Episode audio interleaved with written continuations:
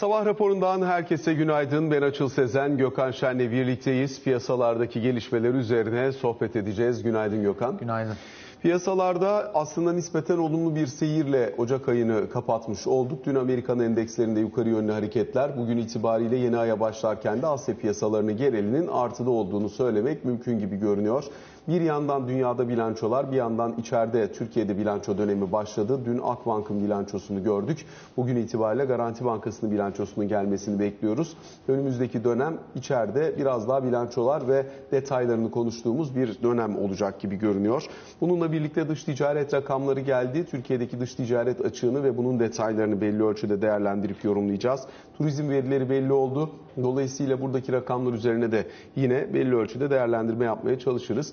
Türkiye Cumhuriyet Merkez Bankası yükümlülüğü olduğu üzere hükümete enflasyon hedefinin %5'lik enflasyon hedefinin neden tutmadığını, neden %64 olarak gerçekleştiğini anlatan bir mektup yazdı. Bu mektubun detaylarını da yine programımız çerçevesinde yorumlamaya çalışacağız. Bir de tabii FED toplantısı var. Oradan potansiyel çıktıları da belli ölçüde değerlendireceğiz. Önce istersen bir hızlıca FED değerlendirmesini yapalım. Sonrasında devam edelim. Gelen veriler FED'e ilişkin beklentileri bir miktar daha aşağıya doğru çektiğini gösteriyor. Ama genel anlamıyla bakınca zaten 25 bas puanlık bir faiz artırım beklentisi var. Acaba Powell %5'in üzerine atacak bir faiz platosuna çıkacak kadar bu işi sürdürecek mi, sürdürmeyecek mi? Eğer faiz indirimi olmayacak sinyalini bu yıl içerisinde verecekse bunu nasıl bir rehberlikle yapacak? Biraz da bunların detaylarına bakmaya çalışacağız. Ee, şu an 4,5 faiz Amerika'da. Bugün 4,75 olması bekleniyor. Ee, geçen sene herhalde 4 tane 75 evet. arttırdı. Aralıkta biraz e, yavaşladı 50'ye. Şimdi bir daha 25 yaparsa senin de söylediğin gibi e, istediği mesajı versin. Yani artık bu işi bitiriyoruz e, gibi bir herhalde sonuç ortaya çıkacaktır. Bu toplantıya ilişkin zaten daha önce sızan haberlerde diyelim. Fed'in yönlendirmesiyle sızıyor zaten bu tür haberler.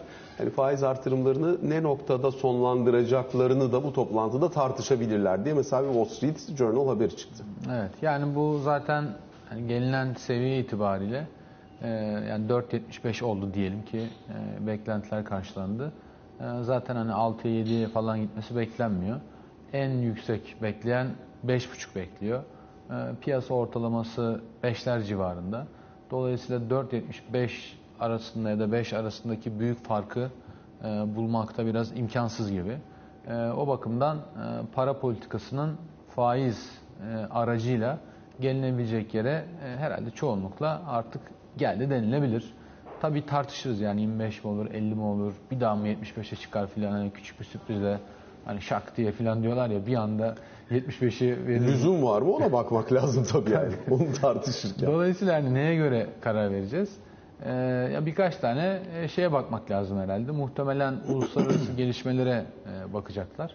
Uluslararası gelişmelerde e, çok büyük bir e, şey yok. Yani temelden sarsıcı bir olay yok ama en azından büyümenin bir parça mevzi kazandığı tüm dünyada. Dolayısıyla küresel resesyon beklentilerinin e, biraz törpülendiği daha olumlu bir hava var. İşte IMF'in son raporu, e, işte ülkelerden gelen büyüme tahminleri filan e, muhtemelen buna değinecektir. Amerikan ekonomisinde de e, resesyon beklentileri olmasına rağmen e, genellikle güçlü bir seyir olduğunu, işte istihdam piyasasında yavaş yavaş e, zayıflama emareleri olduğunu ama genel olarak yani ekonominin ayakta durduğunu herhalde görmek gerekiyor. Zaten büyüme tahminleri de düşük. E, hem bu sene için hem de gelecek sene için yani 2023 ve 2024 için. Dolayısıyla bu cepheden de e, enflasyonu çok zorlayacak bir sıkıntı olmaz herhalde. E işte ücret artışlarına falan da bakıyor FED. Hem e, işte tarım dışı istihdamın altındaki unsurlara hem genel maaş düzeylerini belirten verilere baktığımız zaman burada da nispi bir soğuma var. Mesela 1.2'den 1'e gelmiş işte istihdam maliyeti endeksi. Yani bunlar e, hakikaten birazcık sonuç almaya başladığını gösteriyor sanki FED'in. Doğru. Ben de baktım işte bu Employment Cost Index yani işte istihdamın maliyeti nedir acaba diye endeksliyorlar onu. Bunun içinde bir sürü göstergeler var. Ben burada daha ziyade trend olarak yani eğilimi olarak bakıyorum. Hakikaten ciddi bir yumuşama var son birkaç ayda.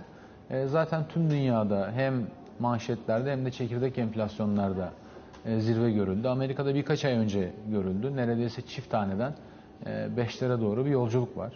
E, geçen sene de bence tahmin edildiği gibi e, kapandı. Bu sene yani dörtlerin belki altına gelecek. Gelecek sene zaten 2 ve altına doğru gitmesi bekleniyor pek çok ekonomist tarafından. O bakımdan enflasyonun olduğu seviye, enflasyonun çeşitli göstergeleri çok bu saatte eziyet etmeden dinleyiciye söyleyeyim detaya girmeden fena görünmüyor. Ama tabii yani buradan 2'nin altına indirmek de kolay iş değil onu da biliyorlar. O bakımdan gidişattan memnunlar. Ama varılacak noktaya tabii ki daha gelmediklerini biliyorlar. Tabii Amerikan Merkez Bankası'nın iki tane hedefi var. Yani bir tanesi enflasyonu tutturmak, denkleştirmek, iki puanı kendi baktığı bir çekirdek göstergeden. E, ikincisi de en çok istihdamı yakalamak. E şimdi istihdam tarafında yani zafer çoktan kazanılmış durumda. Bunlar tabii eşit hedefler. Fakat e, ekonominin gidişatına, dünyanın haline göre bir tanesini önceliklendirebiliyorsun. Mesela Covid sırasında hatırlarsan e, ekmek demişti önce. Yani istihdamı öne çekmişti. Çünkü enflasyon çok düşüktü. E, bir parça feragat edebileceğini sinyallemişti. Tabii onun düşündüğü bir parçadan da fazla bir yere gidince bu sefer hafif de paniğe kapılarak e, ciddi anlamda enflasyonu öncelemeye başladı. Çünkü dediler ki enflasyonda istikrarı yakalayamazsak istihdamda zaten yakalayamayız. Kaldı ki şu an istihdamda olan yani işi gücü olan ekmeğe sahip olanlar için de bu bir vergilendirme anlamına gelir. Yüksek enflasyon dağılımı bozar, adaleti bozar, toplumu çürütür. O yüzden bizim enflasyonu aşağı çekmemiz lazım demişti. E, o bakımdan da buna öncelik verdiler. E şimdi ben baktığımda yani gidişatı onlar adına iyi görüyorum. Şimdi bugün ne yapar konusu da demek ki yani ekonomi, uluslararası e, gidişat ve işte enflasyonun gidişatı, istihdam bu özele kadar indiğinde işler yolunda. Faizler de yüksek. E, tabii bu bölge kısıtlayıcı mı? Yani Amerikan ekonomisini daraltmaya yetecek kadar kısıtlayıcı bir bölge mi? Muhtemelen öyle. Zaten maaşlar tarafında da ciddi bir e, baskı olmayınca yani bir, bir grev olmadığı, bir sendika yok zaten. E, dolayısıyla yani daha rahatlar orada. Yani 30-40 sene önce e, bütün sendikaları öldürdükleri için zaten hani çok kolay e, çalışanın e, hakkını da az verebiliyorlar öyle söyleyelim. E, piyasada dinamik, yeni işler de açılabiliyor. Bu bakımdan geriye e, herhalde likidite e, kalıyor. Yani likidite ne durumda? Piyasadaki para büyümesi, krediler ve e, çeşitli göstergeler ne durumda? Ona bakmak lazım. Ya buradaki M2 yani bizdeki M3 şey hemen hemen karşılık gelen. Onların kullandığı zaten onlarda M3'te bir gösterge yok. Yani para arzı nasıl gidiyor diye baktığında son 60 yılda e, ilk defa bir daralma var. Ya bu daralma demek tabii yani paralar suyunu çekti, negatife döndü anlamında değil ama büyüme hızı negatife gitmiş ilk defa. Şimdi bu muhtemelen kendini çok memnun edici bir e, gösterge. Burada tabii kendilerinin de payı var. E, kamunun da yani kamu borçlanmasının da hazinenin de payı var. Yılında onlara çok ciddi destek verdi. E, o yüzden de bunu aşağı kadar çekebildiler. E, dolayısıyla buradan da muhtemelen memnunlardır. Tasarruf oranlarına baktığımda e, Amerika'da bunun da yani arada bir yine bu kadar düşük yerler var ama verinin geri gittiğince yani 60-70 yılın en düşük seviyesinde tasarruf oranları. Dolayısıyla bunlara baktığında e, Amerikan Merkez Bankası'nın artık zaten faizlerle ilgili hani ne yapar ne eder yani çok yapacak bir şey yok. Bana göre bu saatten sonra e, yani beş buçuklara çekmek daha da sıkmak ekonomiyi öldürmek anlamına gelecek. Çünkü şu ana kadar yaptıklarıyla hem işin kolay kısmını geçti hem enflasyonu düşürebildi hem de ekonomiyi boğmadı. Yani iyi bir sonuç var. Yumuşak geçiyor gibi görünüyor yani. Yumuşak biraz geçiyor. Bundan sonrasında biraz istihdam görünümü bozulabilir. Biraz daha yavaşlama söz konusu olabilir ama çok kalıcı ve çok resesyona doğru, derin bir resesyona doğru itici bir ortam yok gibi görünüyor şu an. Yok. Peki şimdi ne yapman lazım yani bunu bozmamak için? Şimdi faizi arttırmasan bu baya kötü bir mesaj olacak muhtemelen. E, faizin seviyesini bu saatten sonra doğru yerde belirleyecek ne bir bilgisayar programı var ne de bir merkez bankacı var. Yani hiç kimse bana 5 ile 4.75'in e, farkını anlatamaz. Bunu sadece e, beklentileri belki çıpalamak ya da işte hani Excel'de iki tane rakam birbirini tutturduğu için şey yaparsın ama yani daha tecrübeli insanlar biliyorlar ki artık bu saatten sonra faizin zaten bir önemi yok. Bu saatten sonra önemli olan biraz önümüzdeki ayları yönetmek.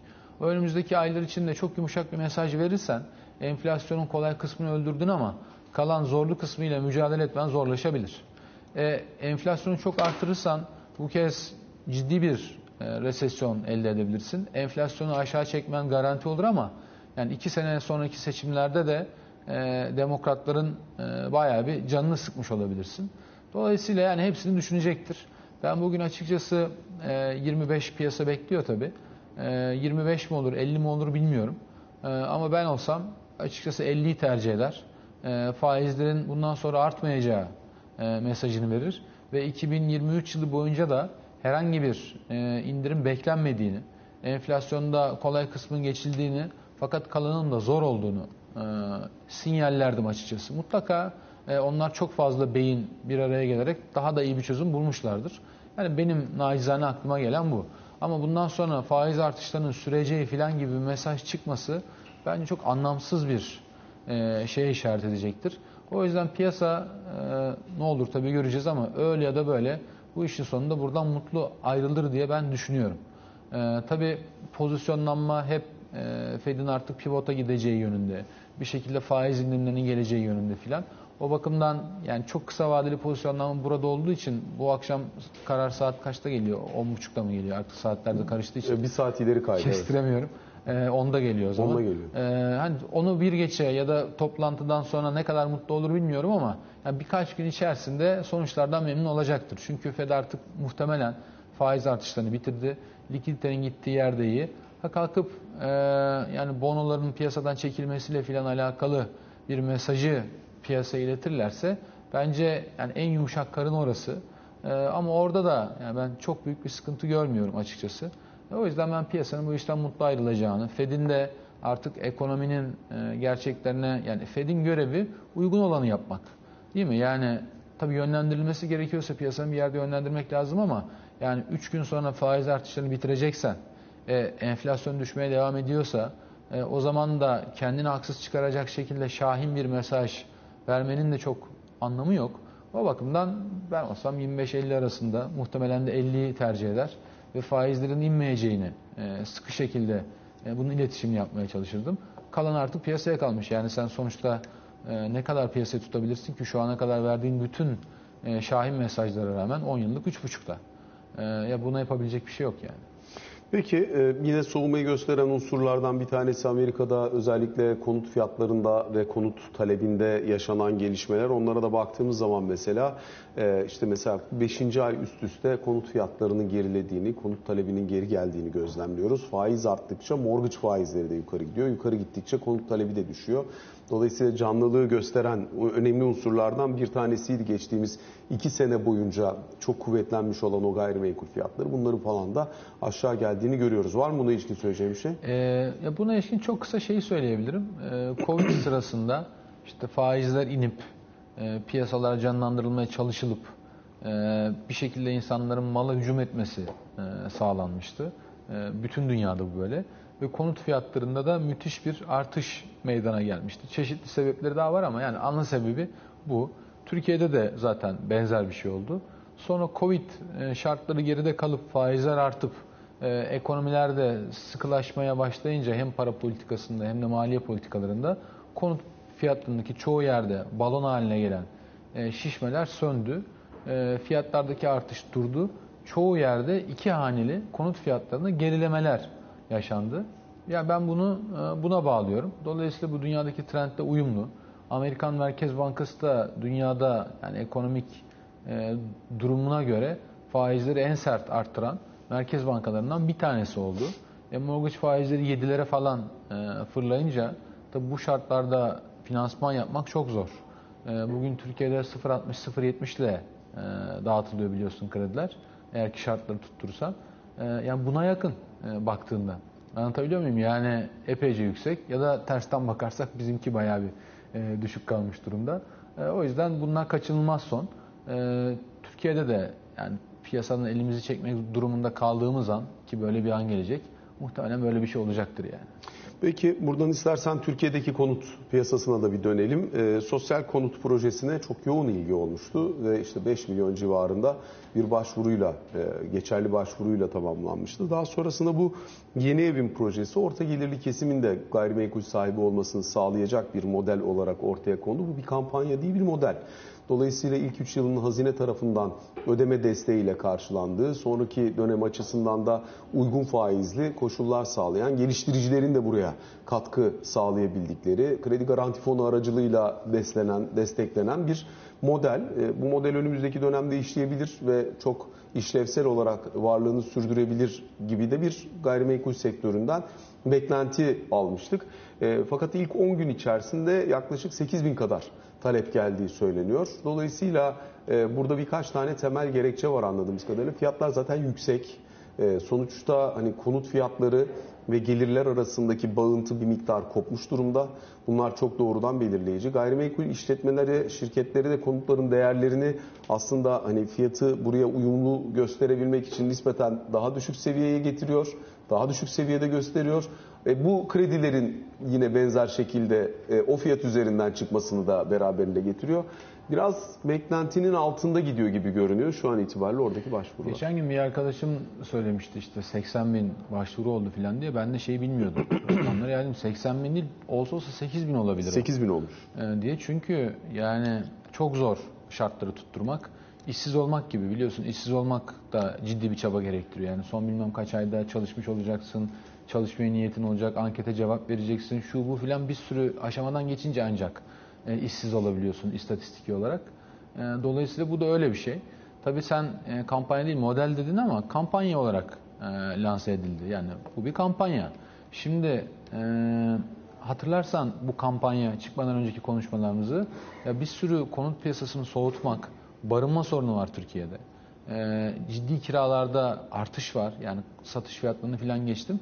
İnsanlar artık istedikleri muhitlerde yaşayamaz oldular. Ee, yabancılardan ciddi talep var ve büyük bir rahatsızlık var. Yani ve bu fark edildi birkaç ay önce. Birkaç tane adım atıldı. İşte belli miktarın üzerindeki evlerin finansmanı artık bankalar tarafından yapılmıyor. Ee, yine evlerin durumuna göre e, finansman oranları belirlendi. Buralarda işte ödenecek ücretler, alınacak faizler bunların her biriyle tek tek oynandı. İşte gelir seviyesine göre çeşitli işler yapıldı. Yani sözün özü e, yüksek piyasadaki fiyatlı konutlara ilişkin krediler kesildi. Orta gelirin e, müracaat edebileceği, erişebileceği sınıfa ise çeşitli düzenlemelerle bir ket vurulmaya çalışıldı. Şimdi bunun aksine konut fiyatlarını yeniden yukarı itecek bir şey yapmak mümkün değildi.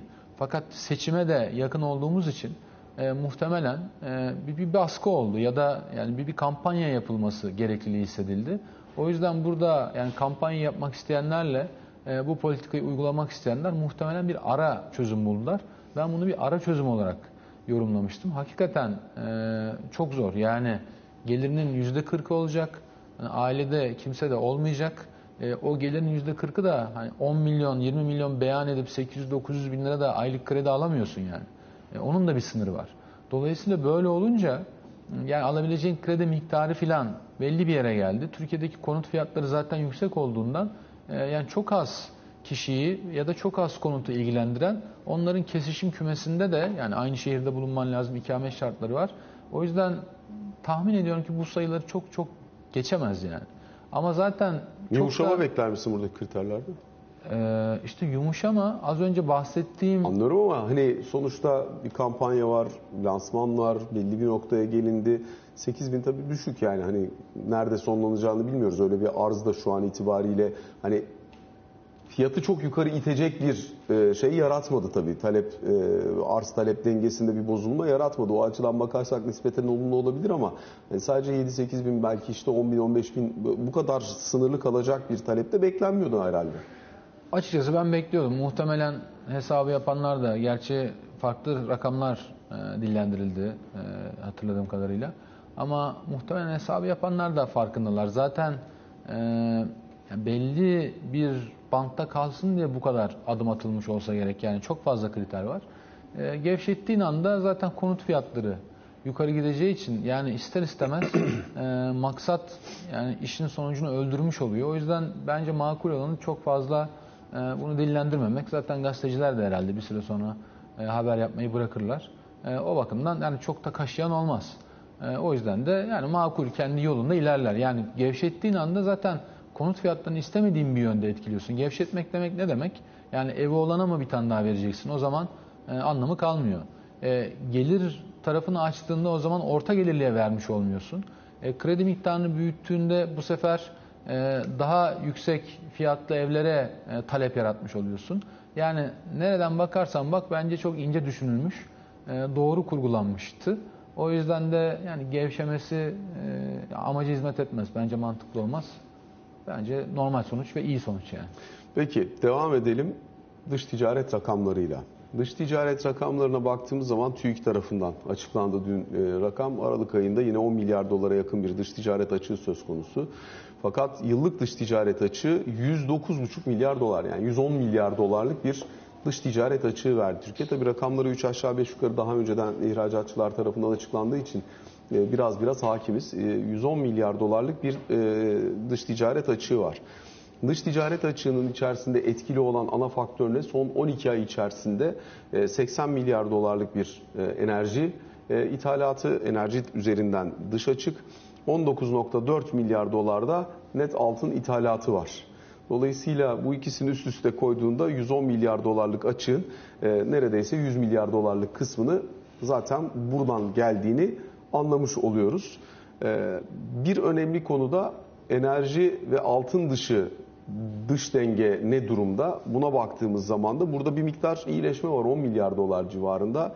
Bir e, enerji ve altın dışı açık var. E, bunun en yüksek olduğu dönem, buradaki açığın en yüksek olduğu dönem 18 milyar dolar 2019 yılında. E, 18 milyar dolar civarında bir enerji ve altın dışı açık vermişiz. Yani 8 milyar dolar burayı azaltmışız ekonomik program, ihracat dengesi, o su bu su vesairesi falan ama sağladığımız iyileşme 8 milyar dolar olabilmiş. Evet. ee, yani tabi bunu şeyle bağdaştırıyorsun. Yeni ekonomik program cari fazla getirecekti. 110 milyarlar dış ticaret açığı oldu. E zaten enerji altın dışı yani bu kadar biliyorduk. Hani ne anladım bu işten diye öyle sordun geldi. gibi anladım. Öyle geldi Ee, rakamlar. E şimdi e, zaten birkaç tane burada temel e, konu var. Bir tanesi yani faizleri indirerek e, dış ticaret açının nasıl kapanacağını en başından beri zaten anlamamıştık. E, işle ilgilenenler, bilenler demeyelim, e, ilgilenenler olarak e, olmadı da zaten. İkincisi tabii yani bir senede iki senede e, cari dengenin hali nasıl ya da kimyası nasıl değiştirilir? O da zaten mümkün değildi. O bakımdan da bunun iletişimi de en baştan çok sıkıntılı geldi. Üçüncüsü zaten e, yani enerji krizi olduğunu görmeden adımlar attığımız için e, iş bitince a enerji krizi varmış verdik. Şimdi hani öyle olmaz. Yani dediğim gibi daha geçen ya çok konuştuk ama 2021 yılının Ağustos ayında e, ben yazdığım yazılara da dönüp baktım, yaptığım konuşmaları da internetten buldum. Konuşmuşuz yani. Demek ki ben de bir yerlerden görmüşüm ya da bir şeyler görmüşüz. Dünyada da birileri konuşmuş. Yani varmış enerji krizi. Çeşitli sebepleri vardı.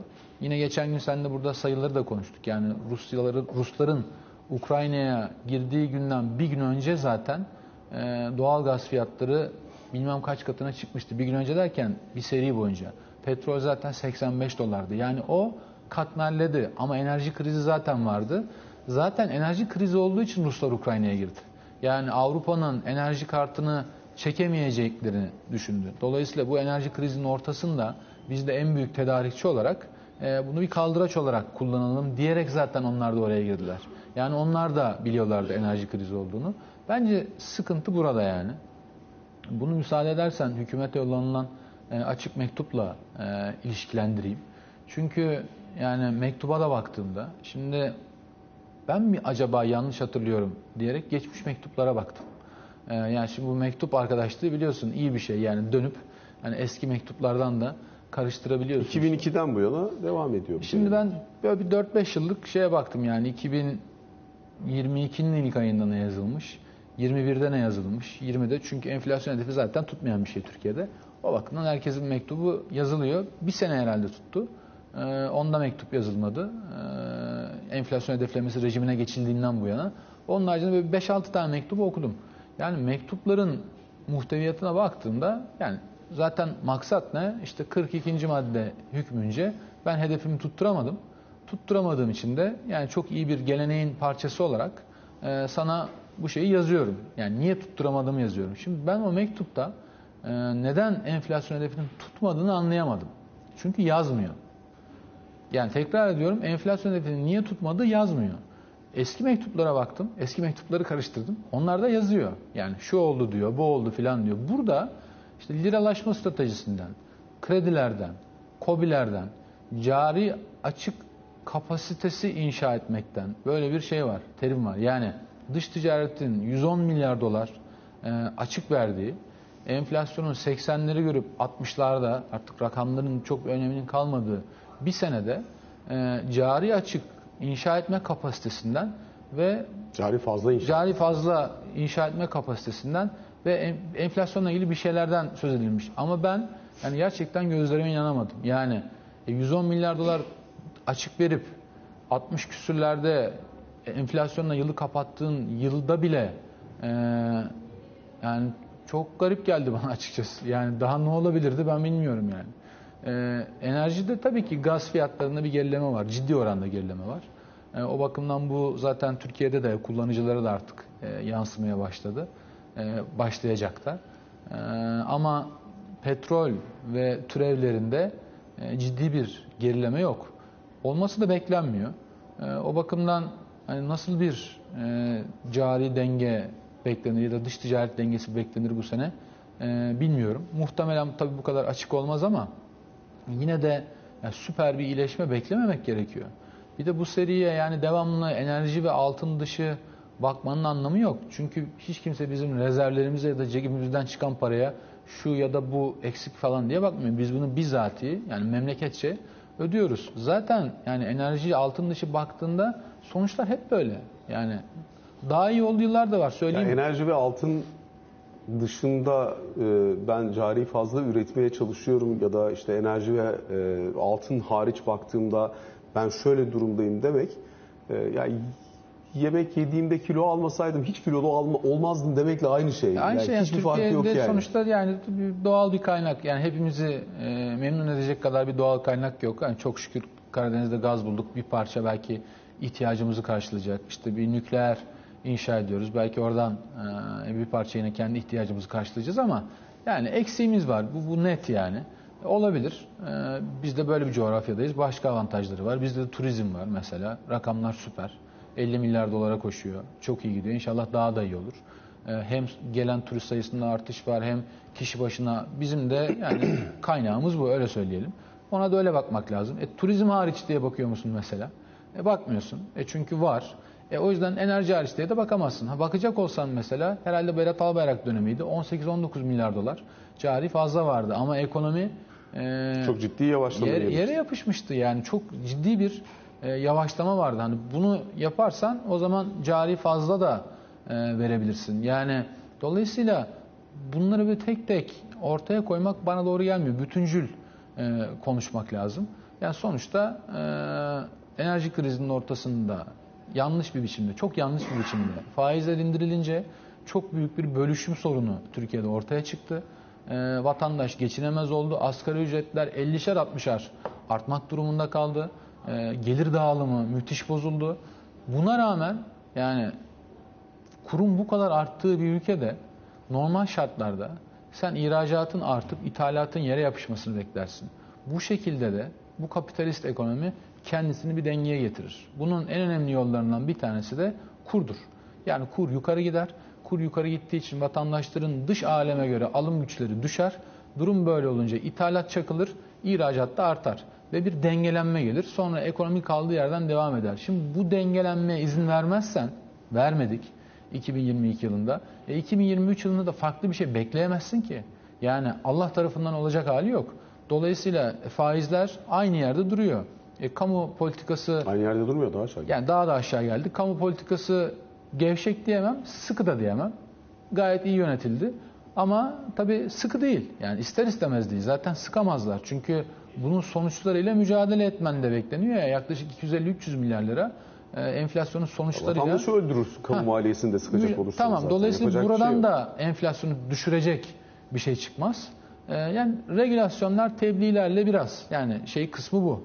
Ee, o da yani mecbur kalınıyor. Çünkü para farklı yerlere gittiği için ya da dövizi kontrol edemediği için. E bu durumda yani enflasyon nasıl aşağı gelebilir? Yani enflasyon istatistiki olarak düşer. Evet düşer. E, ama nasıl düşer? İşte seninle konuştuk. Şeyin rakamlarında vardı Türk İş'in. Hani gıda yani me- meyve sebze 16 artmış geçen sene. Bu sene 11 artmış.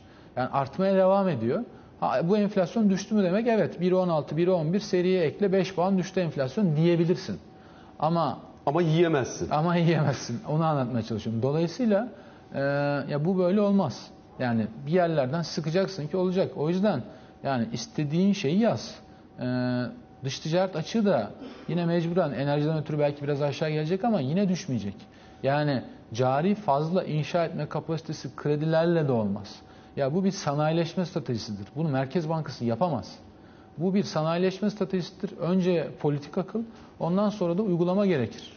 Yani hangi ülke e, faiz oranlarıyla kendi sanayisini, reel sektörünü kalkındırabilir ki? Bu mümkün değil. O nasıl kalkınır? Yani öngörülebilirlik olur, bilinen politikalar olur, dış ticaretin dış politikayla uyumlu hale gelir. Dünyada şu an bir sürü trendler var. Bir şey seçersin. Yani beğenmediğin Boris Johnson bile leveling up diyerek e, enerji sektörünü e, tutmuş ve çok ciddi işler yapmıştı. Yani beğenmediğin yani İngiltere'nin başbakanı yani yolladılar biliyorsun. Ama bu uzun vadeli bir iş. Yani bunun hazırlanması da uzun vadeli bir iş ve bunun faizlerle uzaktan yakından ilgisi yok. Ya sonuç itibariyle işte 3 sene önce rekor seviyeye gelmiş enerji ve altın dışı açık 19 milyar dolardan 18 milyar dolardan 10 milyar dolara geldi diye düşünecek olursan hani bu sistemin bir KPI, bir başarı kriteri var idiyse bu orasıysa mesela e, elde edilen sonuçla katlanılan maliyet arasındaki boşluğu iyi değerlendirmek lazım herhalde. Ya diyorum 300 Orada milyar lira şey enflasyonun yani. sonuçlarıyla mücadele etmek için harcadık mı harcadık yani bunu Hazine Maliye Bakanı da söylüyor. Yani şunu demek istiyor. Yani ben bunu kucağımda buldum. Ben bununla mücadele ettim diyor. Değil mi? Bunu anlamamız lazım yani. Hazine Maliye Bakanı da bunu söylüyor. Ben böyle anlıyorum. Bu benim Başka kucağım. ne diyecek ki Ha, zaten? Ben bunu kucağımda şey buldum yok diyor. bakan. Yani haklı da. E bu 300 milyar lirayla biz 2-3 tane e, tesis kursaydık kamu eliyle. Varlık fonunun altında. Çok güzel yönetilirdi. Zaten profesyonelce yönetiliyor. Altında yönetilirdi. Hem 300 milyar liraya mis gibi tesisimiz olurdu. Hem de o zaman görürdük cari açığın nasıl kapandığını. Hem de yani bu kadar büyük bir enflasyon olmazdı. Yani bunları konuşamıyoruz. Çünkü mektupta bu yazmıyor.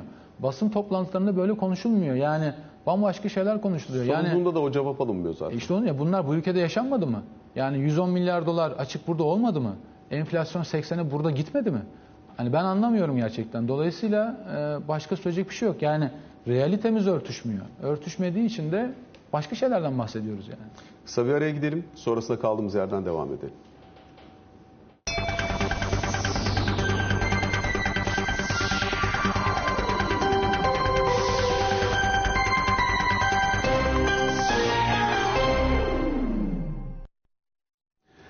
Sabah raporunun ikinci bölümüyle karşınızdayız. Gökhan Şen'le sohbetimizin son 4-5 dakikası içerisindeyiz. Enerji fiyatları ve OPEC toplantısı çıktıları üzerinden konuşalım. Çok büyük bir e, çıktı değişikliği beklentisi yok OPEC'ten. Zaten hani burada e, önemli bir rehberlik yıl sonuna kadar devam edecek 2 milyon varillik bir azaltım e, taahhüdünü ortaya koymuştu OPEC. E, şu anki fiyat düzeyleri de burada bir ekstra hamle yapmayı gerektirecek düzey göstermiyor gibi duruyor. Evet yani 2 milyonu tabii kıstıktan sonra fiyatları 80 doların üstüne 80'i taban yapıp e, yukarıya attıktan sonra muhtemelen e, sonuçlardan memnunlar. E, tabii yani enerji piyasalarında ciddi bir kaos var şu an. Yani onu bilmek gerekiyor. Belki petrol burada en temiz görüneni ama yani 5 Şubat itibariyle Rusların türev ürünlerine de e, yasak değilim artık. Yani ciddi limitler geldiğinde e, ne olacağını göreceğiz. Çünkü yani ciddi bir dizel kıtlığı e, konusu var zaten aylardır süre gelen ve bunların fiyatları çok yüksek. Yani bugünkü karara gelince herhalde bir şey yapmazlar. Çünkü resesyon beklentisi var. Tamam beklenenden daha iyi gidiyor ekonomiler falan ama yani işte Uluslararası Enerji Ajansı'nın tahminleri belli, OPEC'in tahminleri belli. Muhtemelen bugün böyle geçer ama e, çok garip bir piyasaya bakıyoruz şu an. Mesela Ruslardan kömür almıyorlar, e, petrol almıyorlar. İşte petrolüne sınır getiriyorlar. Ural petrolü 35-40 dolarlık e, iskonto ile piyasada işlem görüyor. Yani 85 ise Brent petrolün varil başına fiyatı e, 45'ler civarı, maksimum 50'lerden filan e, el değiştiriyor. Ama bir yandan mesela istatistikleri inceliyorum. Öyle yani zevkten yani bakıyorum. LNG ithalatını Ruslardan %20 arttırmışlar. Avrupalılardan bahsediyor. Hemen hemen işte 20 milyar metreküpe falan denk gelecek kadar %20 e, çok Ciddi bir artış yani. E, mesela bu hiçbir yerde yok. Şimdi yani röportajlar falan da yapıyorlar Avrupalı liderlerle, Enerji Bakanlarıyla sormak lazım. Yani, yani Ruslara ambargo yok muydu ama orada bir delik var. E, oradan mesela faydalanıyorlar e, şirketler, bu ülkeler. Avrupa'nın da işine geliyor. Yani e, hem ciddi ambargo uyguluyor. Uyguluyor yani burnuna da hani farklı e, septik bir şey söylemeyeceğim yani. Ama bir yandan da e, LNG doldurmaya çalıştığı için sıvılaştırılmış doğalgazı hani onun ithalatına da çok ses etmiyor. Çünkü e, ona da ihtiyacı var, öldüremiyor. Böyle garip bir durum var. Fakat bir yandan Avrupa'nın da e, havalar müthiş gitti. Talep de yumuşaktı. Bu kış atlatıldı. Ama e, 2023'ün yaz aylarından sonra mesela nasıl bir fiyat e, olacak onu bilmiyoruz. 2024 kışının nasıl bir kışlık yapacağını hiç kimse bilmiyor. Onu da bilemiyoruz. E, ekonomide biraz canlanacaksa o zaman 2024'te sıkıntı olabilir. E, yurt dışında ya da dünyada ileri dönük enerjiyi e, garanti altına almak isteyen şirketler için de e, bir kaos var. Yatırım yapacaklar için de kaos var. Yani bu maliyeti kaç alacaksın? Çünkü sen ne üretirsen üret, e, senin maliyetlerin içerisindeki enerjinin payı, bak ne üretirsen üret, %5 idiyse bile bir anda 15'e çıktı. Yani giderler içinde 15, 20, 30, 40'lar kadar payı olan bir şeyi tahmin etmek mümkün olmayınca nasıl bir iş modeli kurulabilir? Nasıl geri dönüş hesaplanabilir? E, bunlar çok sakat işler yani. O bakımdan da e, piyasada böyle bir e, abukluk var ve bunun ortadan kalkması da önümüzdeki 12 ay içerisinde mümkün değil yani. E, o yüzden yani OPEC de e, bu ortamda sağlıklı bir karar veremez. Onlar sadece talebe bakarlar. Dünyadaki gidişata bakarlar. Petrolün varil fiyatına bakarlar. Biraz da jeopolitiğe bakarlar.